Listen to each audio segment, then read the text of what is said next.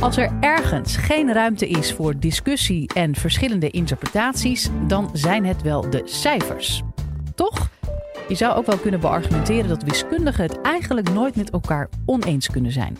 Of dat ook echt zo is, hoor je in deze podcast van theoretisch wiskundige Arne Smeets van de Radboud Universiteit. Live vanuit Club Air is dit de Universiteit van Nederland. De wiskunde die is overal om ons heen. Je ziet daar misschien niet, je ruikt daar niet of je voelt daar niet. Maar ze is wel de sleutel tot ons begrip van de, de wereld om ons heen. En ook tot heel veel uh, maatschappelijke en technologische vooruitgang. En daar ga ik het vanavond niet over hebben. Ik ga uh, met jullie graven naar de meer filosofische kanten van de wiskunde. En uh, ik ga op zoek naar de, de aard en het karakter van de wiskunde als wetenschap. En dat wordt een verhaal met best wel pittig debat met hartstochtelijke meningsverschillen en soms een kleine crisis. Uh, de wiskunde is heel erg een, uh, een levende wetenschap. Um, op dagelijkse basis zijn er uh, nieuwe recepten die erbij komen door het werk van de wiskundige sterrenchefs van vandaag. Maar er is ook debat over wat er nu wel of niet is toegelaten volgens de regels van de kookkunst of de wiskundekunst. En daar wil ik het met jullie over hebben. En daarvoor moeten we in eerste instantie moeten we teruggaan in de tijd, uh, naar de tijd van Pythagoras en, en zijn vrienden, uh, Plato, uh, Euclides, Archimedes en anderen, naar de Grieken. Dus we bevinden ons in Athene, enkele eeuwen voor Christus. Dus voor de Grieken zich met de wiskunde begonnen te moeien, was de wiskunde een inductief proces. Inductie betekent dat je waarnemingen doet, vaststellingen, en dat je in die vaststellingen, in wat je, wat je empirisch ziet, dat je daarin patronen gaat zoeken en die verwerkt tot een soort van vuistregel. En zo wisten de Babyloniërs ook al wel dat de stelling van Pythagoras uh, in de praktijk gewoon altijd klopte. En dus ze kenden een aantal rechthoekige driehoeken en ze wisten dat voor die driehoeken geldde dat a kwadraat plus b kwadraat gelijk is aan c kwadraat. Dus dat maakten ze dan maar een soort van vuistregel. Um, en daar waren de Babyloniërs tevreden mee. De Grieken waren dat niet. Uh, de Grieken wilden graag een bewijs voor uh, die stelling van Pythagoras. Een bewijs is een, um, een logische redenering die ondubbelzinnig en glashelder uh, aantoont dat een bepaalde uitspraak altijd waar is. Dat er geen enkele twijfel mogelijk is. En Pythagoras was de eerste die de stelling van Pythagoras ook echt heeft bewezen. Anders was het niet de stelling van Pythagoras geweest, maar die van een of andere ondertussen al lang vergeten Babyloniër. En het perspectief van de wiskunde werd dus omgedraaid door de Grieken. Dus we gingen van inductie, dus vaststellingen doen, patronen zoeken en die tot een vuistregel verwerken, gingen we naar deductie. En deductie betekent dat je vertrekt van een aantal uh, dingen die onomstotelijk waar zijn, uh, grondslagen waar niet aan wordt getwijfeld, en dat je op basis daarvan een, een logisch bouwwerk maakt volgens duidelijke redeneerregels om nieuwe ware uitspraken af te leiden. Bijvoorbeeld, uh, de Grieken twijfelden niet aan het feit dat alle mensen sterfelijk waren. Dat was voor hen een gegeven. En uh, Socrates en zijn vrienden uh, twijfelden ook niet aan het feit dat Socrates een mens was. Conclusie, als je die twee dingen samenbrengt, dan kom je bij het feit dat Socrates sterfelijk moest zijn. Dat is heel eenvoudig, maar daar valt geen speld tussen te krijgen. Dat is een heel eenvoudig voorbeeld van deductie. En dus de, de, bouwstenen van de wiskunde voor de Grieken waren de um, axioma's. Zij noemden dat axioma's. Dat zijn dergelijke uitspraken die ze voor waar aannemen, waar ze niet aan wilden twijfelen, die voor hen zo logisch waren dat ze wel moesten kloppen. En van daaruit begonnen ze met logische redeneerregels of spelregels te werken aan het bouwwerk van de wiskunde. Als je gaat koken, dan gaat het net zo. Je hebt ingrediënten, waarmee je aan de slag kan. Dan heb je een aantal uh, apparaten, ovens of kookvuren of scherpe messen. En dan is je bedoeling om daarmee iets lekker klaar te maken voor een wiskundige, om een uh, mooie wiskundige uitspraak te formuleren en ook te bewijzen. Dat is wat we al sinds de Grieken willen bereiken als wiskundigen. En dan kan je je de vraag stellen, waarom willen we dat eigenlijk? Waarom is dat nodig? Als het in de praktijk goed gaat, waarom zouden we dan zo moeilijk moeten doen met al die bewijzen? Wel, de Grieken merkten al dat ze tegen de grenzen van hun begrip aanliepen en nood hadden aan meer zekerheid. De stelling van Pythagoras die was bewezen, daar werd niet meer aan getwijfeld. Maar dat was niet het geval voor alle wiskundige uitspraken. Zo geloofden de Grieken uh, dat alle getallen breuken waren. Nu, een breuk is het resultaat dat je krijgt als je een geheel getal deelt door een ander geheel getal. Dus 4 gedeeld door 2, dat is 2, dat is een breuk. Of 3 gedeeld door 8, dat is 0,375, dat is ook een breuk. Of 1 gedeeld door 3, 0,333 enzovoort, dat is een breuk. En de Grieken waren ervan overtuigd dat alle getallen die ze op uh, de planeet konden vinden, dat dat allemaal breuken waren. Anderzijds was er die stelling van Pythagoras, en die dwong hen om uh, kennis te maken met getallen die ze nog niet eerder hadden ontmoet. Bijvoorbeeld het getal dat we nu de wortel van 2 noemen. 1,4142 enzovoort. Die komt uit de stelling van Pythagoras als je die toepast op een gelijkbenige driehoek. En dat was voor hen een nieuw getal, maar ze geloofden dat het net als elk ander getal een breuk zou moeten zijn. Misschien een heel moeilijke breuk met een grote teller en een grote noemer, maar in elk geval een breuk. Dus probeerden ze om dat getal als een breuk te schrijven. En dat duurde even en dat duurde nog langer. En ze bleven maar proberen en het lukte niet. Tot Hippasus, een volgeling van eh, Pythagoras, spijkerhard kon bewijzen dat de wortel van 2 nooit als een breuk te schrijven was. Dat het onmogelijk was voor dit getal. En daarmee lag een groot deel van het uh, wiskundige wereldbeeld van de Grieken aan diggelen. Dat was voor hen een grote schok. Ze waren ontredderd. Ze hadden nooit gedacht dat er getallen konden bestaan die geen breuken waren. En er wordt geschreven dat Hippasus door de goden werd gestraft met een zeer vrede verdrinkingsdood voor die ontdekking. Wiskundigen, het is toch een klein beetje een risicoberoep. In elk geval, de Grieken voelden dat ze nood hadden aan, aan uh, zekerheid, aan, aan, een cultuur van deductie en bewijzen. En dat deden ze dus door met duidelijke uh, axioma's en spelregels te werken.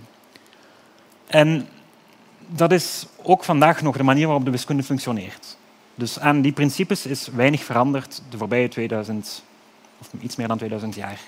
En in die zin is de, de herontdekking of de ontwikkeling van de wiskunde door de Grieken voor mij een van de grootste intellectuele prestaties uit de geschiedenis van de mensheid. Dus wij als wiskundigen vandaag wij zoeken nog altijd waarheid en nog altijd naar bewijzen voor ware uitspraken. Dat is nog altijd onze heilige graal. Goed. Dat is wat de Grieken ons hebben geleerd, het belang van dat sterke deductieve kader.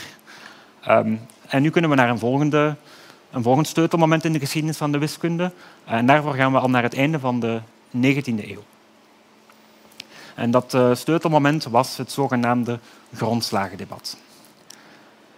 Um, in die periode werden er vragen gesteld over de grondslagen van de wiskunde. Niet op zich over de, de principes van de Grieken, namelijk het kader met axioma's, deductie en bewijzen, maar eerder over wat die axioma's dan moesten zijn. En de aanleiding daarvoor was de ontdekking van een aantal paradoxen. Een paradox is een uitspraak die niet per se verkeerd is, een, mogelijk correcte uitspraak, maar eentje die wel heel tegenintuïtief aanvoelt. Eentje die je doet schrikken, waarvan je zegt, Hè, hoe kan dit nu? Bijvoorbeeld de paradox van Banach en Tarski. Uh, die zegt dat als je een sinaasappel neemt, dat je die op een gekke manier in stukjes kan snijden. Uh, zodanig dat als je de stukjes daarna weer tegen elkaar plakt, dat je twee identieke sinaasappelen van dezelfde grootte bekomt. Het klinkt onmogelijk. In de praktijk wil ik het jullie wel eens zien doen. Maar in de wiskunde kan het. En dat is wat we een paradox noemen. En eh, veel wiskundigen die zeiden van kijk, met zo'n paradox moeten we gewoon leren leven. We moeten die aanvaarden als een oncomfortabele waarheid, uh, rugrechten en doorgaan. Andere wiskundigen die waren meer voor de weg van de revolutie. Die zeiden van ja, als dit kan in de wiskunde, dan zit er misschien iets niet helemaal goed met de grondslagen. Dan moet er misschien iets worden veranderd aan de spelregels of aan de axioma's, zodanig dat dit soort van paradoxen niet meer kan voorkomen in onze wiskundige wereld. Dus je had daar verschillende meningen over. En het hoogtepunt van dat debat was de controverse die ontstond tussen enerzijds David Hilbert, een Duitse wiskundige en een beetje de godvader van de wiskunde van die tijd, en anderzijds uh, Luitsen Egbertus Jan Brouwer, de grootste Nederlandse wiskundige uit de geschiedenis. En uh, die controverse, die heel pittig en heel persoonlijk werd, die ging over een axioma dat al meeging sinds de tijd van de Grieken. En dat axioma was de wet van de uitgesloten derde. De Grieken hadden als een van hun axioma's dat een uitspraak in de wiskunde ofwel waar is ofwel onwaar en dat er niks tussenin ligt. Dat is zwart of wit. Brouwer had het daar moeilijk mee. Die zei van ja, volgens mij is er nog een derde optie. Een optie tussenin, de ik weet het niet zo goed optie. En Brouwer die deed een poging om de wiskunde te herontwikkelen uh, zonder de wet van de uitgesloten derde aan te nemen. En dat vond Hilbert niet zo aangenaam, die was daar niet zo blij mee. Dus hij gooide Brouwer uit de redactieraad van de Mathematische Annalen, het tijdschrift van de wiskunde van die tijd. En hij zei dat een wiskundige de wet van de uitgesloten derde uh, ontzeggen zoiets was als een bokser te verbieden om zijn vuisten te gebruiken. Maar Brouwer die liet zich niet doen en die richtte zijn eigen wiskundige school op, waarin wiskunde werd gedaan uh, zonder uh, de wet van de uitgesloten derde te, te, gebruiken. En die school die heette het intuïtionisme. Um, en dat was heel persoonlijk, dat was heel pittig. Uh, maar op zich leidt dat niet tot een grote tegenspraak.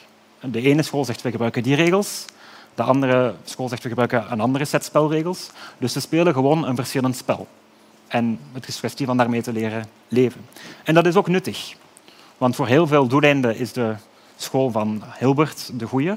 Maar anderzijds heeft het intuïtionisme van Brouwer, dat absoluut niet de leidende wiskundige school is geworden, uh, toch ook hele nuttige uh, blikken opgeleverd in de richting van de computerwetenschappen en de kwantummechanica. Dat heeft ook zijn nut gehad. Dus je kan de spelregels van de wiskunde variëren in functie van het doel dat je wil bereiken. Uh, dus wat we uit die periode moeten leren, is dat wiskundigen het spel van de wiskunde met verschillende sets spelregels kunnen, kunnen spelen. Uh, dat het vooral belangrijk is dat ze helder zijn over welke spelregels ze precies willen, willen aanvaarden, maar dat let's agree to disagree, dat dat ook een goede optie kan zijn en dat het zelfs nuttig kan zijn. Dus dat was het grondslagendebat.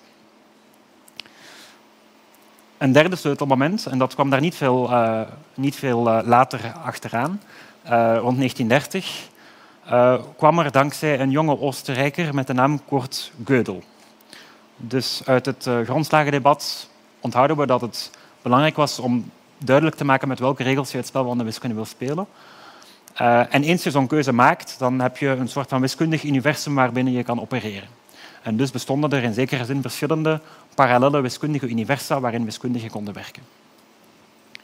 Gödel zei het volgende. Kijk, neem zo'n wiskundig universum uh, dan wil je natuurlijk als wiskundige ware uitspraken in dat universum gaan bewijzen volgens de regels van de kunst. En Gödel zei wel, in dat universum zal je altijd uitspraken vinden die wel waar zijn, maar die niet te bewijzen vallen.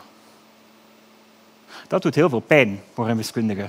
Dus onze heilige graal is het aanleveren van bewijzen voor ware uitspraken. En Gödel zegt ons, ja, sorry, er zijn nu eenmaal uitspraken die niet te bewijzen vallen, ook al zijn ze waar. Dat is een hele grote reality check daar waren wiskundigen echt door uh, gechoqueerd. Nu kan je zeggen, als je als wiskundige een beetje lui wil zijn, kijk, we gaan het handig oplossen. We nemen zo'n ware uitspraak die niet te bewijzen valt in ons universum en we voegen die toe als een nieuw axioma. Dan moeten we niet meer proberen om hem te bewijzen. Dan is hij gewoon per definitie waar, want we aanvaarden die zonder, zonder bewijs. Maar dan heb je de spelregels veranderd. Dus speel je in een nieuw spel, speel je in een nieuw wiskundig universum. En dan zegt Gödel, ook in dat universum vind je ware uitspraken die niet te bewijzen vallen. En zo kan je bezig blijven. Um, en je kan nooit een volledige set van spelregels vinden uh, waarmee je het spel van de wiskunde kan spelen. En dat is waarom we spreken over de onvolledigheidsstelling van Gödel. Nu moet ik zeggen dat in de praktijk dat die stelling eigenlijk geen impact heeft op, op mijn en andermans functioneren in de wiskunde. Dus ik werk altijd in eenzelfde universum. En ik heb er vertrouwen in dat wat ik probeer te bewijzen, dat dat te bewijzen valt. Misschien niet door mezelf, of, maar misschien door, iemand anders. Dus, maar het, het, het blijft toch een soort van onaangename waarheid die we moeten leren aanvaarden als wiskundigen. In die zin maakt de wiskunde van ons toch hele nederige wetenschappers. Goed. Dus dit waren een paar voorbeelden van sleutelmomenten uit de geschiedenis, eh, van intens debat over wat, wat nu de wiskunde is en mag, mag zijn. Maar ook vandaag is er debat over uh, de spelregels van, de wiskunde, over de regels van de kunst. En een, concreet voorbeeld daarvan is de waarde van computerverificatie, de waarde van computers bij het bewijzen van stellingen. Um, ik denk bijvoorbeeld aan het beroemde vierkleurenprobleem. Dat zegt ongeveer het volgende. Dus neem een kaart, een geografische kaart. Denk aan de wereldkaart met daarop alle landen. Of denk aan de kaart van Nederland met daarop alle gemeenten. Of denk aan elke mogelijke kaart die je zou kunnen tekenen met pen en papier op een imaginair stuk papier. Dus elke mogelijke kaart, ook degene die niet in de praktijk bestaan. En geef jezelf vier kleurtjes. En probeer om de kaart zo in te kleuren dat geen twee aangrenzende landen of gemeenten of regio's dezelfde kleur hebben, zoals op het scherm. Honderden jaren lang werd er vermoed dat dat altijd zou kunnen, want in de praktijk lukte het. Maar het heeft heel lang geduurd vooraleer mensen dat konden bewijzen. En uh, in 1976 uh, hebben Apple en Haken, een, een, duo van wiskundigen, hebben een bewijs, het eerste bewijs geclaimd door gebruik te maken van een computer. En zij deden twee dingen. Ze zeiden van kijk, we kunnen enerzijds het probleem reduceren van alle mogelijke kaarten naar 1976 concrete kaarten, die heel ingewikkeld zijn. Ze konden een concrete lijst van 1976 hele moeilijke kaarten uh, voorleggen. En twee, als we het voor elk van die 1976 concrete kaarten kunnen, dan kunnen we het voor allemaal. Dus de eerste stap was louter uh, een redenering. De tweede stap, al die moeilijke kaarten, om dat dan echt te gaan checken, dat deden ze met behulp van een computer. Dat was niet te doen met de hand. En met de computer duurde het duizenden uren uh, aan rekenwerk. En dus stelling bewezen.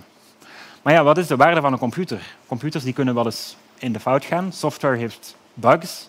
Is dat dan wel een bewijs volgens de regels van de kunst? Zelf denk ik dat, bedoel, wat creativiteit betreft, dat het menselijke brein sterker is dan de computer. Maar anderzijds zie ik wel een toekomst voor de computer in de uh, functie van het controleren van bewijzen. Bewijzen worden heel moeilijk en heel complex. Ik denk aan een geclaimd bewijs van het ABC-vermoeden uit mijn eigen vakgebied. Een Japanner die 600 pagina's tekst heeft geproduceerd, waarover de wiskundige gemeenschap een beetje in limbo is. Sommigen zeggen van ja, dit klopt volgens ons. De meerderheid zegt van ja, we geloven het niet.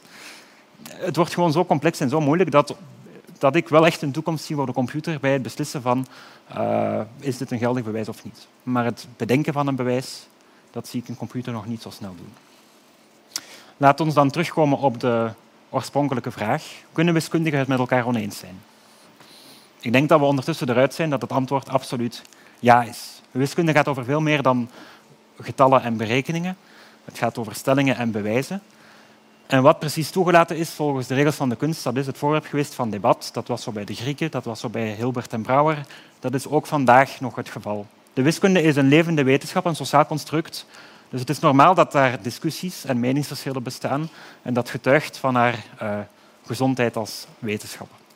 Anderzijds is het niet zo dat het ons in de praktijk tegenhoudt om wiskunde te doen of om die nuttig te maken voor de maatschappij. En dat betekent ook niet dat wij als wiskundigen ruzie maken in de koffiekamer over wat er wel of niet mag. Maar wiskundigen kunnen het met elkaar oneens zijn en dat is goed zo.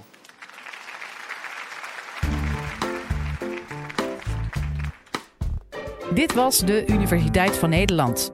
Wil je nou nog meer wetenschappelijke antwoorden op spannende vragen? Check dan de hele playlist.